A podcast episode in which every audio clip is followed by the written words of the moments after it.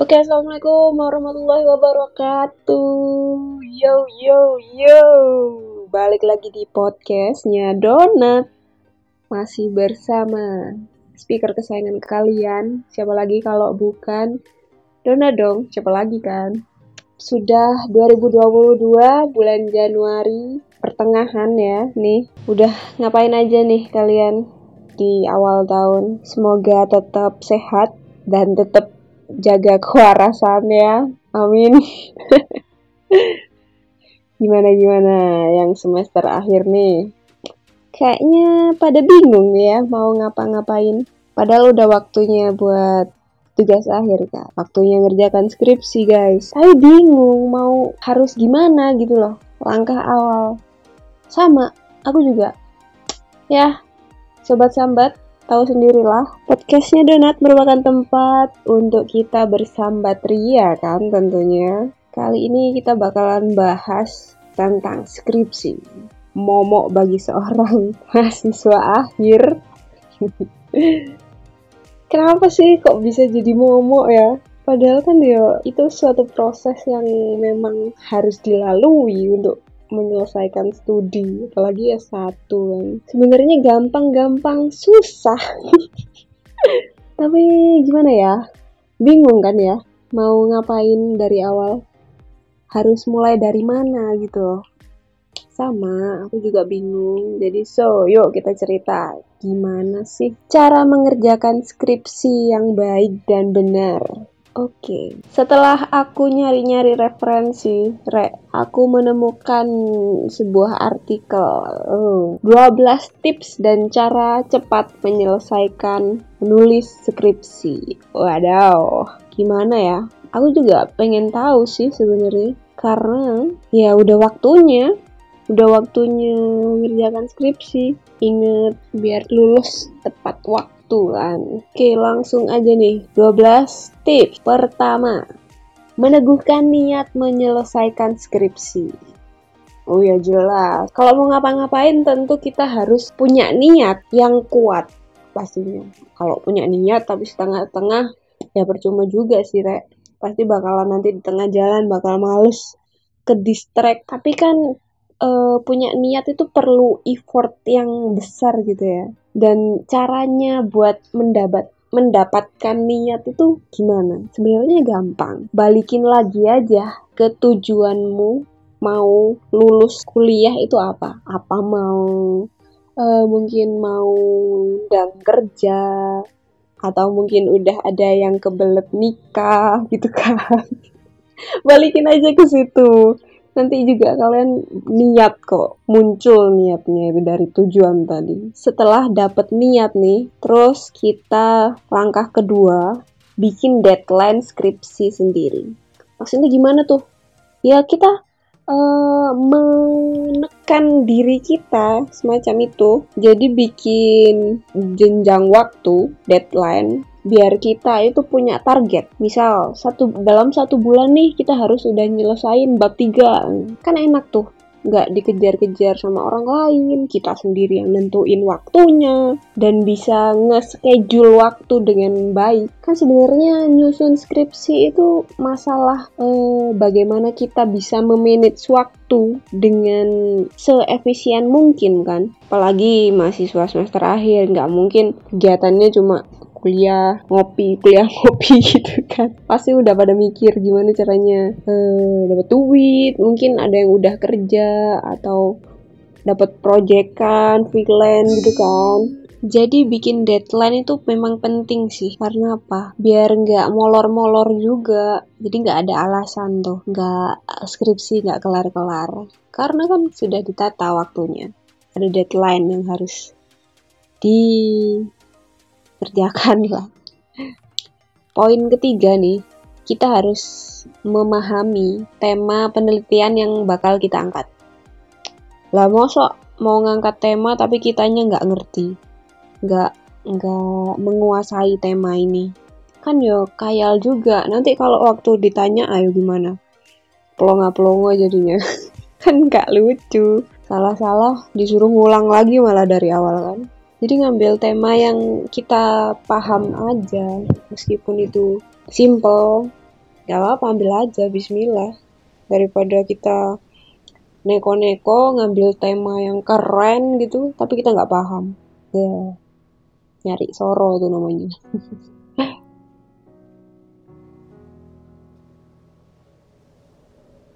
There's no reason, there's no rhyme. I found myself blindsided feeling that I've never known. I'm dealing with it on my own. Phone is quiet, walls are bare. I drink myself to sleep, who cares? No one even has to know.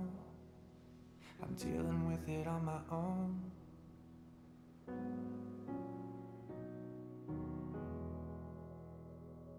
I got way too much time to be this hurt. Somebody help, it's getting worse. What do you do with a broken heart? Once the light fades, everything is dark. Way too much whiskey in my blood. I feel my body giving up. Can I hold on for another night? What do I do with all this time?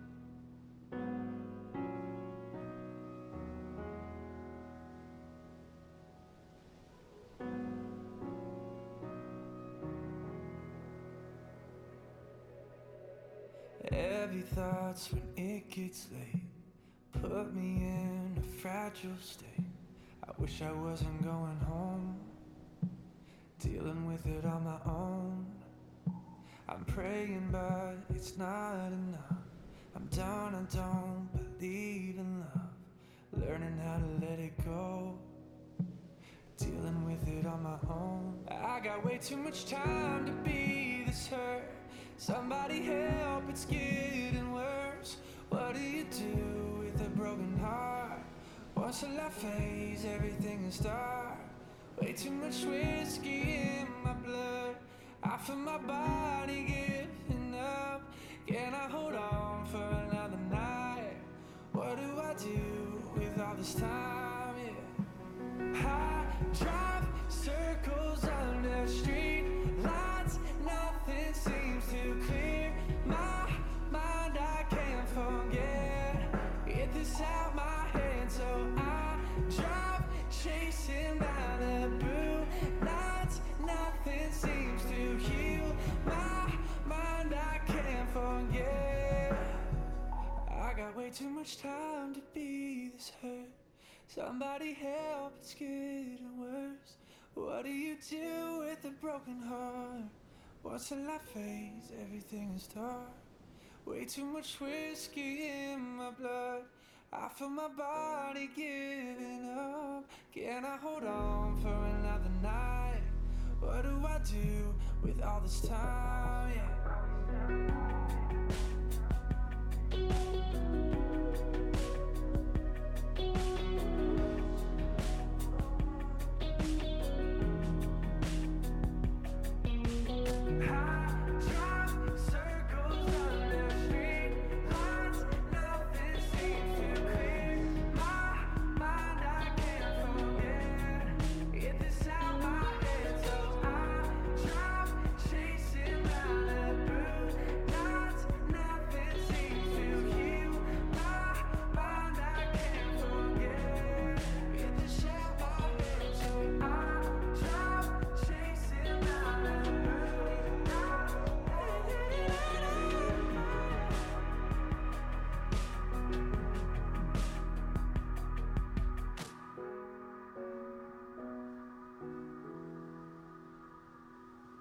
Next, poin keempat, memahami metode penelitian. Nah, ini kalau sudah nemu temanya, kita harus paham metode apa yang bakal kita ambil. Kan banyak tuh metode, ada kualitatif, ada kuantitatif, ada yang uh, metode tindakan kelas. Nah, ini aku juga nggak begitu ngerti sih metodenya.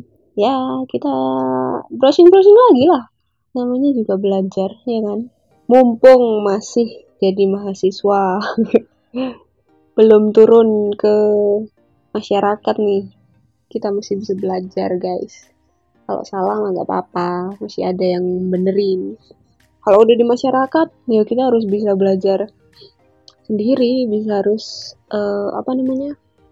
Introspeksi sendiri mana yang salah kenapa ya metode penelitian itu penting? Karena metodologi itu kan uh, ibaratnya peta peta jalan dari penelitian yang bakal kita lakukan.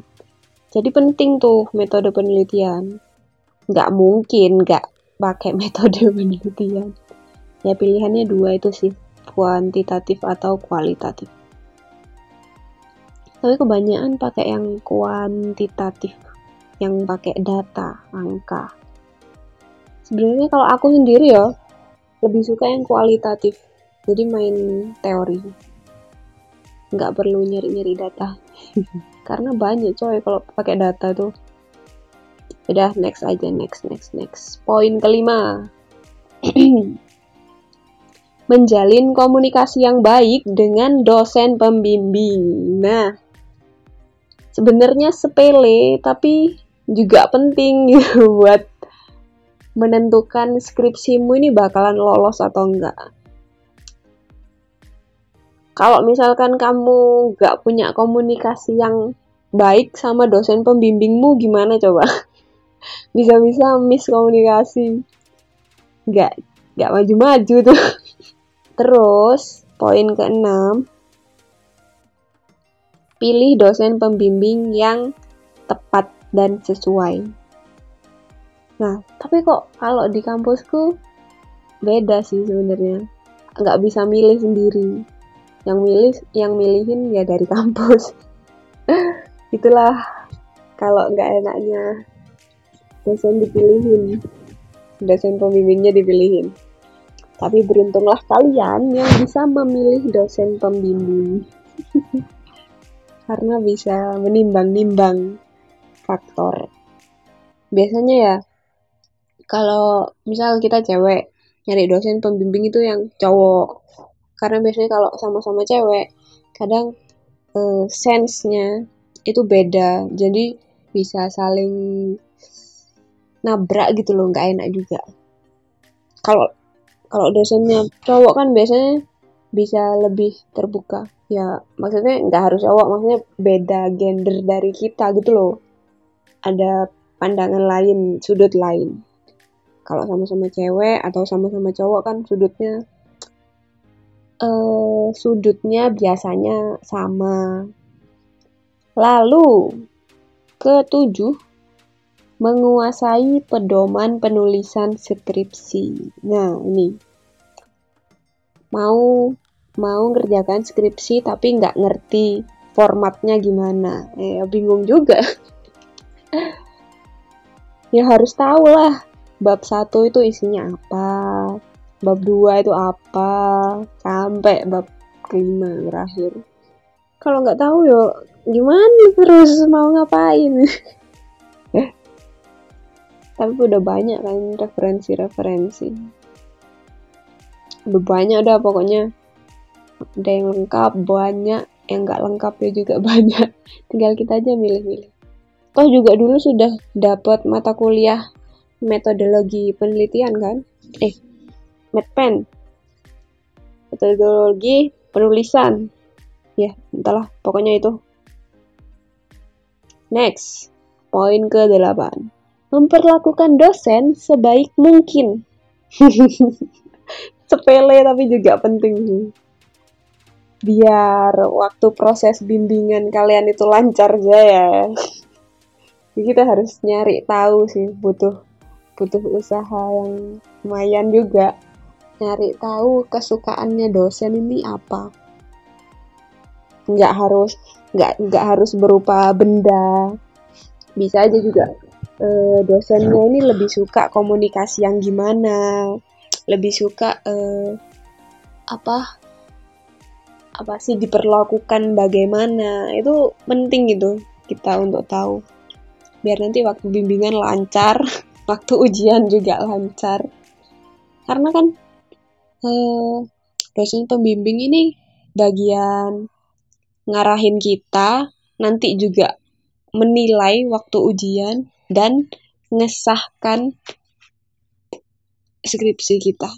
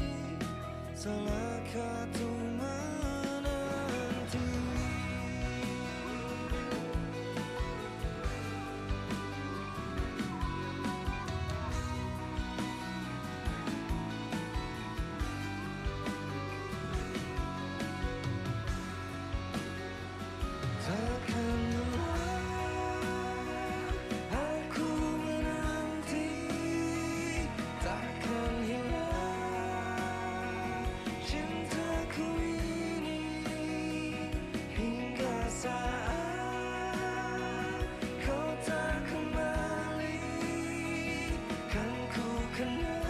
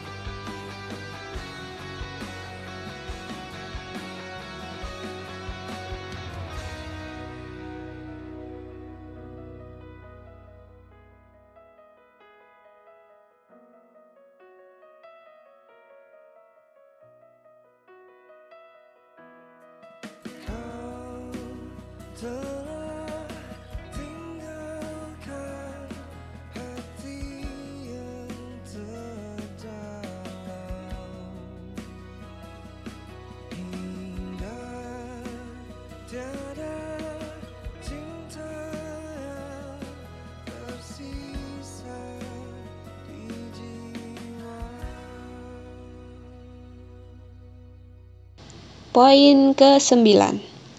Pilih tempat mengerjakan skripsi di tempat yang tepat. Kenapa? Karena tempat ini jadi faktor penentu skripsi kamu cepat selesai atau enggak. Karena apa? E, nyusun skripsi, nulis ya. Itu kan kaitannya sama mood. Jadi kalau tempatnya enggak enak, enggak enggak bikin mood kamu baik ya nggak bisa produktif dong salah-salah ke distract nggak bisa fokus gitu kan. Banyak kok tempat yang enak mungkin di kamarmu kamu kuncilah kamarmu kamu bikin suasana yang senyaman mungkin biar bisa produktif fokus ngerjakan skripsinya. Atau mungkin kalau di kamar nggak nggak nggak betah di kamar mungkin bisa keluar gitu kan ke perpus mungkin sambil nyari bahan referensi. Kalau kalau di perpus tambah bikin pusing ya mungkin ke kafe nyari suasana baru. Juga kayak kalau di kafe tuh kayaknya ada uh, semacam apa ya suasana yang bikin tegang tapi juga bikin kita bisa produktif gitu. Menurutku sih. Kalau menurut kalian gimana Boleh dong kasih saran tempat yang menyenangkan, oh bukan menyenangkan, tempat yang enak nih buat ngerjakan skripsi. Gimana? Jangan bilang di kamar mandi. ya emang sih kalau ke kamar mandi itu emang tiba-tiba banyak aja ide yang muncul, ide-ide brilian. tapi ya masa mau bawa laptop? Ya ampun nongkrong di kamar mandi. Oh sebuah terobosan yang sangat luar biasa. Kacau. Sembilan. Selektif memilih teman ketika ingin cepat selesai skripsinya. Nah teman nih support system kalau kalian ngumpulnya sama temen-temen yang santuy-santuy nggak ada beban buat nyelesain skripsi wah pasti kalian kebawa tuh. Akhirnya ya beneran nggak selesai skripsinya. Coba kalian nyari temen yang uh, fokus ambis lah. Udah gak apa-apa buat sekarang mah cari aja temen yang ambis. Yang pengen kelak dan lulus dengan punya temen yang memotivasi cepat skripsian itu kita bakalan ikut coy biasanya. Ke bawah ambiensnya itu loh. Itu yang diperluin. Daripada kita males-malesan ya kan? Tem ngelihat temen males kita akhirnya juga ikut males. Terus skripsinya nggak kelar-kelar aduh.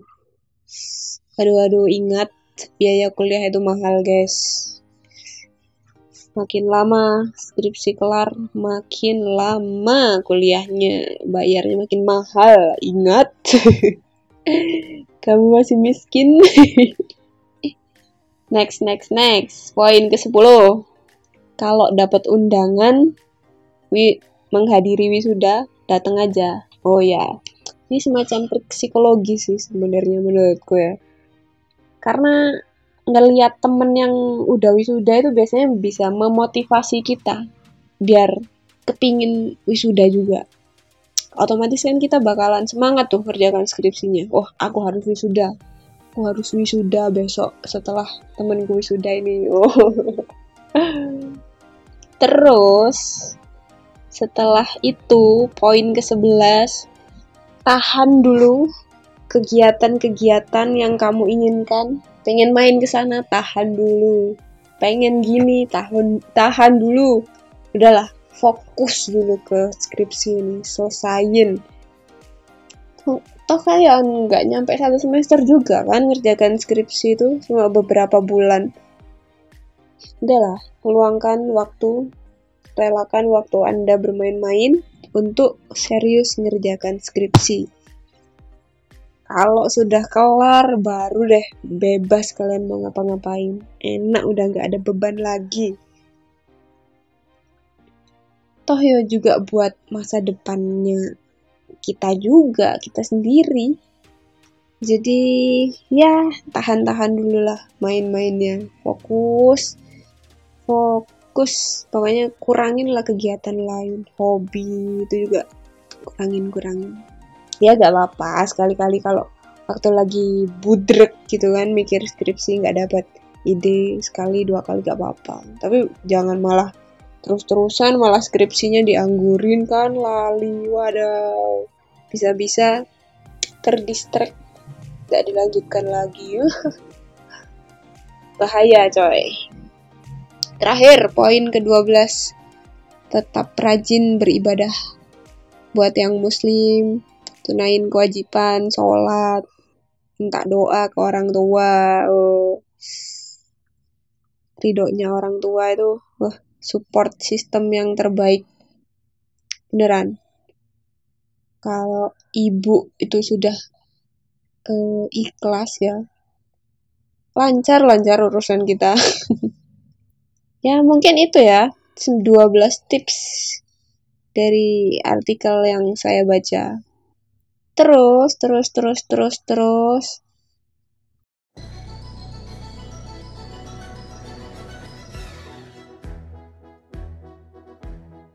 Can you hear my heartbeat? Tired of feeling never enough. I close my eyes and tell myself that my dreams will come true. There'll be no more darkness when you believe in yourself. You are unstoppable. Where your destiny lies, dancing on the blade, you set my heart on fire. Don't stop us now.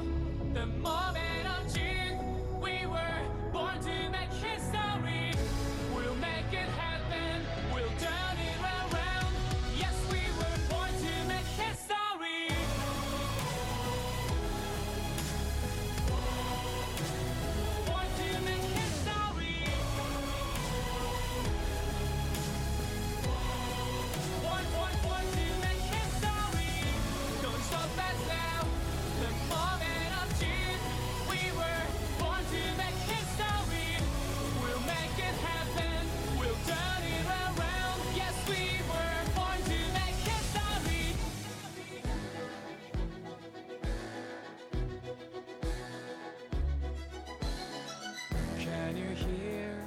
My heartbeat? I've got a feeling it's never too late. I close my eyes and see myself how my dreams will come true. There'll be no more darkness when you believe in yourself. You are unstoppable. Where your destiny lies, dancing on the. You set my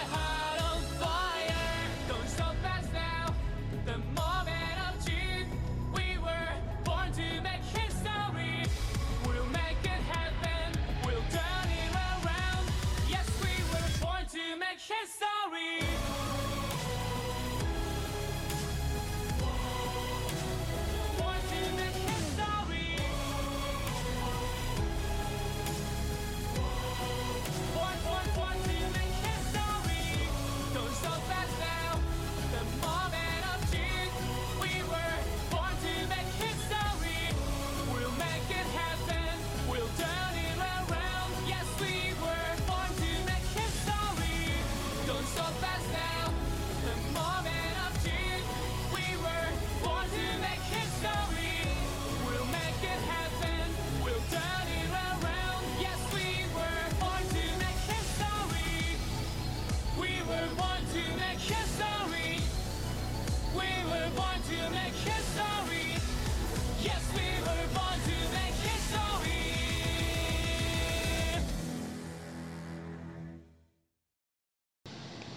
Sebenarnya skripsi itu gimana sih?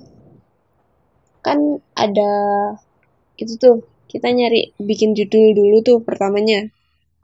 Daftarin lah.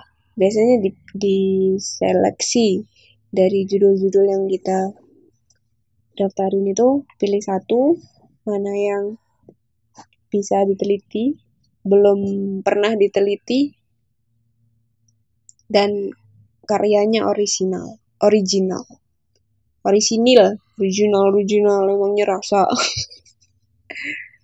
Habis itu setelah judul ACC biasanya dapat dosen pembimbing dua orang. Nah, waktu nyari dosen pembimbing ini cari dosen yang eh, saling klop lah.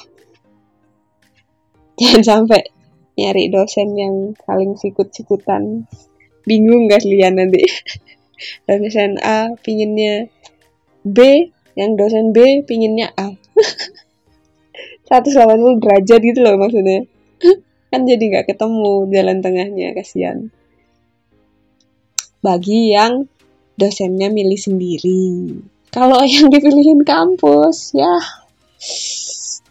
berbesar hatilah kalian. Tapi ya semoga dilancarkan lah. Tetap ada jalan, udah. Kan kita tidak akan diuji di luar dari kemampuan kita. Oh, enak. Terus udah dapat judul, udah dapat dosen, pembimbing, terus metode penelitian. Nah, balik lagi ke yang tadi tuh, ada metode kualitatif. Dia ini nggak pakai angka sebenarnya. Nyari datanya tuh nggak pakai angka. Dia main teori-teori gitu. Terus yang paling favorit itu metode kuantitatif. Dia pakai data dan angka. Biasanya eh, angket, kayak kuesioner, kayak gitu. Jadi ada rumusnya nanti akhir-akhirnya. Hitung deh kita.